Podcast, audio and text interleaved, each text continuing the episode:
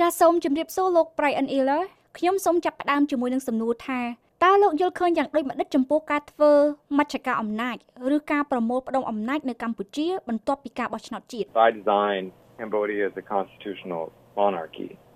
um that should have thriving political parties engaging in a vigorous political debate that is based on democratic values but ប្រទេសកម្ពុជាជារបបរាជាធិបតេយ្យអាស្រ័យរដ្ឋធម្មនុញ្ញដែលគួរតែមានគណៈបកនយោបាយធំធំចូលរួមនៅក្នុងការជជែកតស៊ូមតិផ្នែកនយោបាយដែលផ្អែកទៅលើគុណតម្លៃលទ្ធិប្រជាធិបតេយ្យប៉ុន្តែខ្ញុំគិតថាការជំរុញមជ្ឈការអំណាចដូចយើងបានឃើញនៅមុនការបោះឆ្នោតនិងបន្ទាប់ពីការបោះឆ្នោតនេះគឺគ្រាន់តែជាផ្នែកមួយនៃនិន្នាការឆ្ពោះទៅកាន់ការក្តោបក្តាប់អំណាចទាំងស្រុង ដែលបានអូសបន្លាយអស់រយៈពេលមួយទសវត្សរ៍មកនេះហើយខ្ញុំជឿថាមានកត្តាពីរដែលធ្វើឲ្យមានភាពខុសប្លែកគ្នានេះទីមួយគឺថាលោកនាយករដ្ឋមន្ត្រីហ៊ុនសែនកាន់តែមានវ័យចំណាស់ទៅហើយគាត់បានកាន់អំណាចអស់រយៈពេលយូរមកហើយដែរហើយគាត់កំពុងតែព្រួយបារម្ភពីកេរដំណែលរបស់គាត់ទីពីរឥទ្ធិពលរបស់ចិននៅកម្ពុជាគឺកំពុងតែផ្ដល់ជាទម្រមួយសម្រាប់លោកនាយករដ្ឋមន្ត្រីហ៊ុនសែនដោយបង្ហាញថា គាត់អាចពឹងផ្អែកលើការគ្រប់គ្រងពីចិននិងមិនចាំបាច់ព្រួយបារម្ភពីសម្ពាធពីគណៈបកប្រឆាំងឬពីដៃគូអភិវឌ្ឍនានាដូចជាសហរដ្ឋអាមេរិកអូស្ត្រាលីជប៉ុននិងសហភាពអឺរ៉ុបនោះទេតើនេះផ្ដល់ផលវិបាកអ្វីខ្លះទៅលើអភិបាលកិច្ចល្អនិងមជ្ឈការអំណាចនៅកម្ពុជា I think that there are many reasons to be concerned about the future of good governance in Cambodia. Um, the a healthy opposition party can one identify ខ្ញុំគិតថាមានហេតុផលជាច្រើនដែលគួរឲ្យព្រួយបារម្ភពីអនាគតនៃអភិបាលកិច្ចល្អនៅកម្ពុជាហេតុផលមួយនៅក្នុងចំណោមនោះគឺគណៈបកប្រឆាំងដែលរឹងមាំល្អប៉ុន្តែគណៈបកសង្គ្រោះជាតិគឺជាកម្លាំងមួយដែលអាចលើកឡើងពីបញ្ហាសំខាន់សំខាន់ពាក់ព័ន្ធនឹងការរឹបអូសដីធ្លីទំនប់វារីអគិសនីតំបន់ជួរភ្នំក្រវាញនិងតំបន់ទន្លេមេគង្គ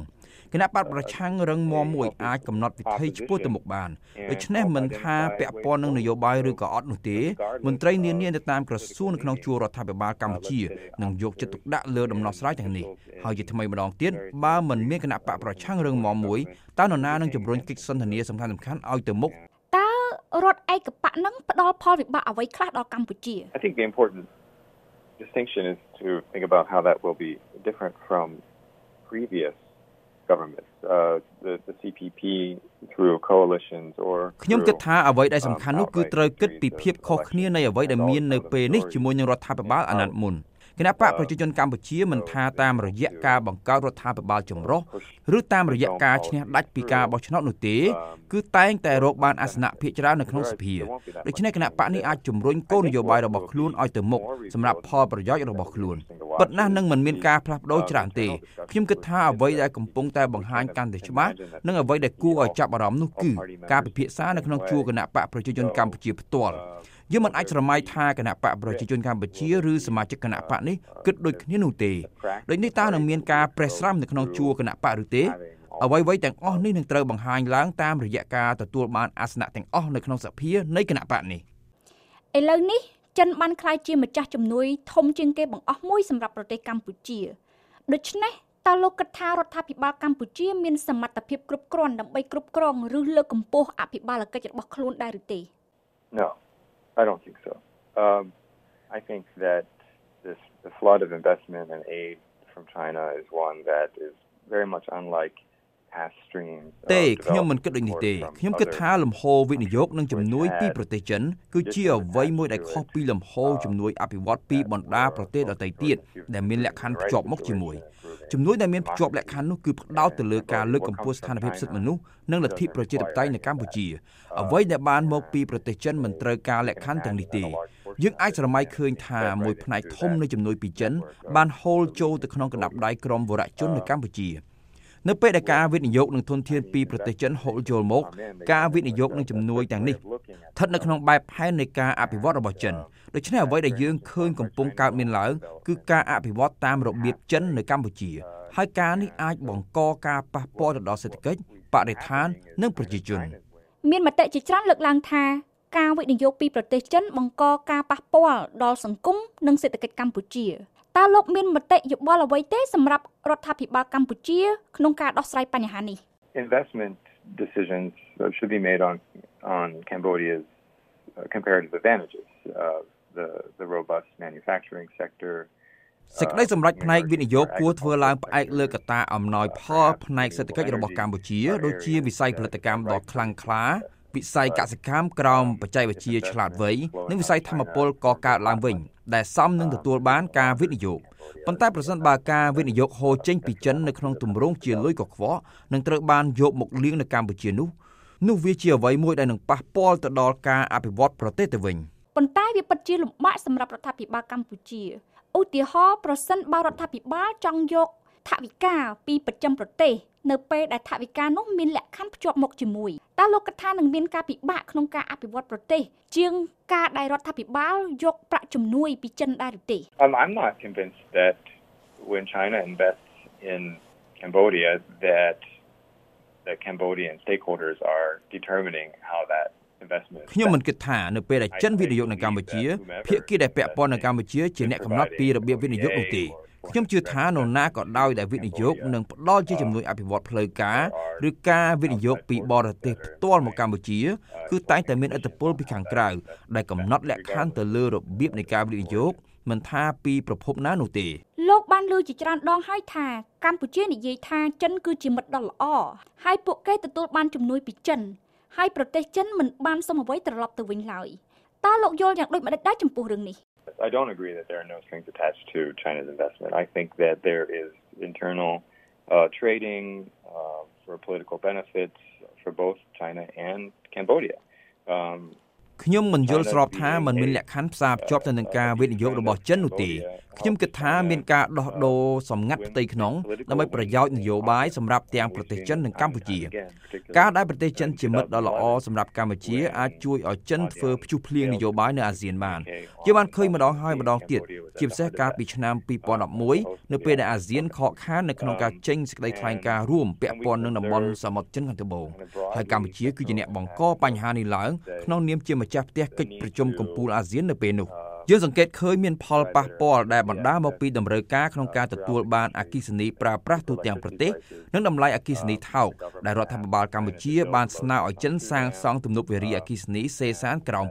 2ការផ្ដល់ឱកាសឲ្យចិនវិនិយោគលើវិស័យដទៃទៀត ជាថ្នូវនឹងការដោះដូររដ្ឋាភិបាលកម្ពុជាបានបើកឱកាសឲ្យមានការវិនិយោគលើវិស័យអចលនទ្រព្យហើយលំហូរវិនិយោគជាច្រើនបានហូរចូលក្នុងប្រទេសកម្ពុជា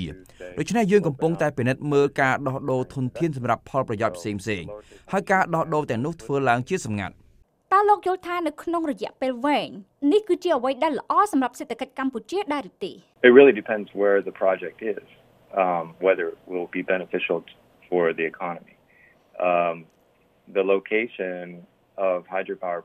តាមពិតទៅវាអាស្រ័យលើថាតើគម្រោងទំនប់វារីអគ្គិសនីនេះបានធ្វើឡើងនៅកន្លែងណានិងថាតើគម្រោងទាំងនេះនឹងមានសារៈប្រយោជន៍អ្វីដល់សេដ្ឋកិច្ចកម្ពុជាទីតាំងនៃគម្រោងទំនប់វារីអគ្គិសនីនៅកម្ពុជាគួរតែត្រូវបានគិតគូរឲ្យបានហ្មត់ចត់ដោយសារតែទីតាំងរបស់គម្រោងទាំងនោះស្ថិតនៅជិតទន្លេសាប និងតំបន់លិចទឹករបស់ទន្លេមេគង្គ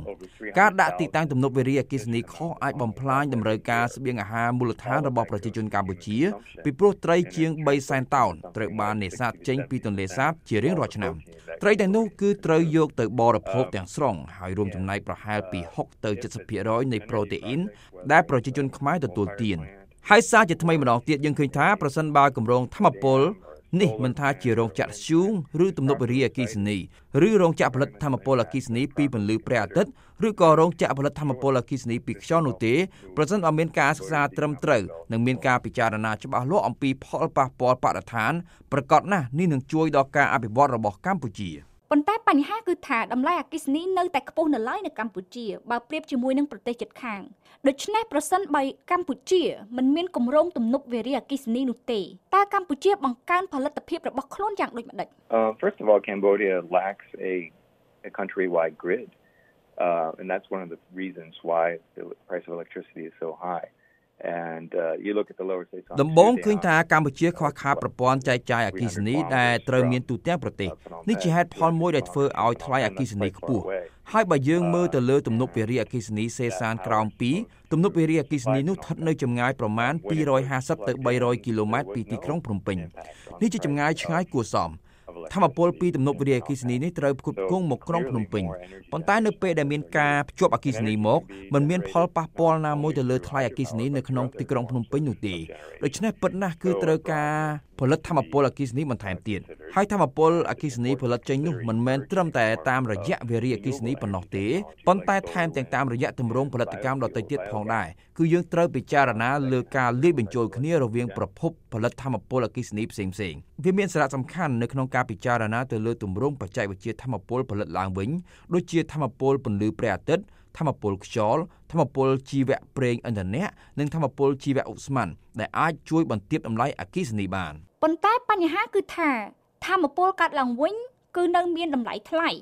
ភាគច្រើនរដ្ឋាភិបាលកម្ពុជានិយាយថាពួកគេមិនមានថវិកាដើម្បីអនុវត្តកម្មវិធីអភិវឌ្ឍទេដូច្នេះតើថវិកានោះគួរបានមកពីណា It should come from private investment uh, and be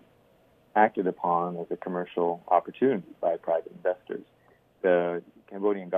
ថវិកានោះគួរមកពីការវិនិយោគលក្ខណៈឯកជននិងត្រូវអនុវត្តជាកាលានុវត្តភាពពាណិជ្ជកម្មដោយអ្នកវិនិយោគឯកជនរដ្ឋាភិបាលកម្ពុជាអាចវិនិយោគលើផ្នែកស្ថាបត្យកម្មហេដ្ឋារចនាសម្ព័ន្ធដែលនឹងមានការជំរុញការវិនិយោគឲ្យទៅមុខប៉ុន្តែរដ្ឋាភិបាលកំពុងបោះជំហានតាមទិសដៅនេះហើយ ដូចដែលយើងបានឃើញនៅក្នុងខែមេសាប្រកាសថ្មីរបស់រដ្ឋាភិបាលបង្ហាញឲ្យឃើញពីការវិនិយោគលើធម្មពលពន្លឺព្រះអាទិត្យហើយគម្រោងផលិតធម្មពលពីពន្លឺព្រះអាទិត្យបន្ថែមទៀតកំពុងតែបង្កើតឡើងនិងត្រូវបានចាត់ទុកថាជាការអភិវឌ្ឍនាពេលអនាគតនៅកម្ពុជា យើងកំពុងនិយាយអំពីតម្លៃគម្រោងទំនប់វារីអគ្គិសនីតម្លៃធ្យូងនិងតម្លៃធម្មពលពន្លឺព្រះអាទិត្យនៅឆ្នាំ2018ទោះបីជាយ៉ាងណាក៏ដោយយើងត្រូវគិតបន្តទៅមុខទៀតនៅចន្លោះ5ឆ្នាំទៅ10ឆ្នាំខាងមុខដោយគិតថា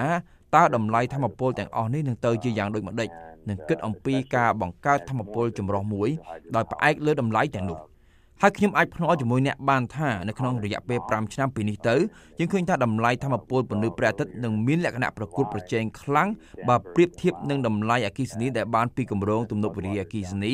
និងស្របពេលដែលបញ្ហាហានិភ័យពាក់ព័ន្ធនឹងទំនប់វារីអគិសនីបានคล้ายជាអ្វីមួយដែលគេដឹងគ្រប់គ្នានៅតំបន់ទន្លេមេគង្គកាលពីពេលមុន នៅក្នុងខែកក្កដាយើងបានឃើញការបាក់ទំនប់នៅឡាវដែលបានបង្កឲ្យមានទឹកជំនន់នៅកម្ពុជានេះបង្ហាញជាសញ្ញាច្បាស់មួយទៅកាន់រដ្ឋាភិបាលកម្ពុជាថាទំនប់វារីអគ្គិសនីអាចបង្កជាគ្រោះថ្នាក់បានគឺមិនត្រឹមតែទំនប់វារីអគ្គិសនីសាងសង់នៅកម្ពុជាប៉ុណ្ណោះទេប៉ុន្តែថែមទាំងទំនប់វារីអគ្គិសនីដែលសាងសង់នៅប្រទេសឡាវផងដែរហើយមិនយូរមិនឆាប់ហានិភ័យដែលផ្សារភ្ជាប់ជាមួយនឹងទំនប់វារីអគ្គិសនីទាំងនោះនឹងត្រូវដាក់បញ្ចូលទៅក្នុងតម្លៃអគ្គិសនីសំណួរចុងក្រោយរបស់ខ្ញុំនោះគឺថា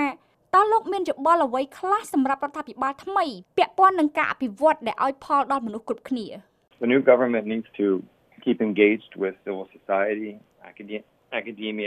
រដ្ឋាភិបាលថ្មីត្រូវរក្សាទំនាក់ទំនងជាមួយនឹងអង្គការសង្គមស៊ីវិលស្ថាប័នសិក្សាអប់រំនានានិងអ្នកជំនួញអន្តរជាតិពីប្រទេសចិននិងពីបណ្ដាប្រទេសដទៃទៀតនៅលើពិភពលោកពាក់ព័ន្ធនឹងតម្រូវការអភិវឌ្ឍរបស់កម្ពុជាសហគមន៍នៅតាមដងទន្លេសាបដឹងច្បាស់ជាងគេពីផលប៉ះពាល់លើជីវភាពរស់នៅរបស់ពួកគេដែលបណ្ដាលមកពីគម្រោងទំនប់វារីអគ្គិសនីនៅតាមដងទន្លេខាងលើបញ្ហាបំរែបំរួលអាកាសធាតុនិងការនេសាទហួសចំណុះ ដោយសារតែតំបន់នេះជាមូលដ្ឋានធនធានសំខាន់នៅក្នុងប្រទេសរដ្ឋាភិបាលថ្មីត្រូវយកចិត្តទុកដាក់និងធ្វើការចិត្តដិតជាមួយនឹងសហគមន៍ទាំងនោះ ហើយអ្នកអាចសម្រេចការងារនេះបានតាមរយៈការធ្វើការយ៉ាងសកម្មជាមួយនឹងអង្គការសង្គមស៊ីវិលនិងដៃគូអភិវឌ្ឍន៍ដូច្នេះដោយសារតែបណ្ដាញទំនាក់ទំនងត្រូវបានកាត់ផ្ដាច់ឬបន្ថយនៅមុនការបោះឆ្នោតខែកក្កដាកន្លងទៅនេះទំនាក់ទំនងទាំងនេះត្រូវតែបង្កើតឡើងវិញនិងពង្រីកបន្ថែមទៀតដើម្បីជំរុញការអភិវឌ្ឍទៅមុខប្រកបដោយចីរភាពចាសសូមអរគុណលោក Brian Iller ដែលចំណាយពេលក្នុងការផ្ដល់បទសម្ភាសន៍ជាមួយនឹងខ្ញុំបាទសូមអរគុណសូមជម្រាបលា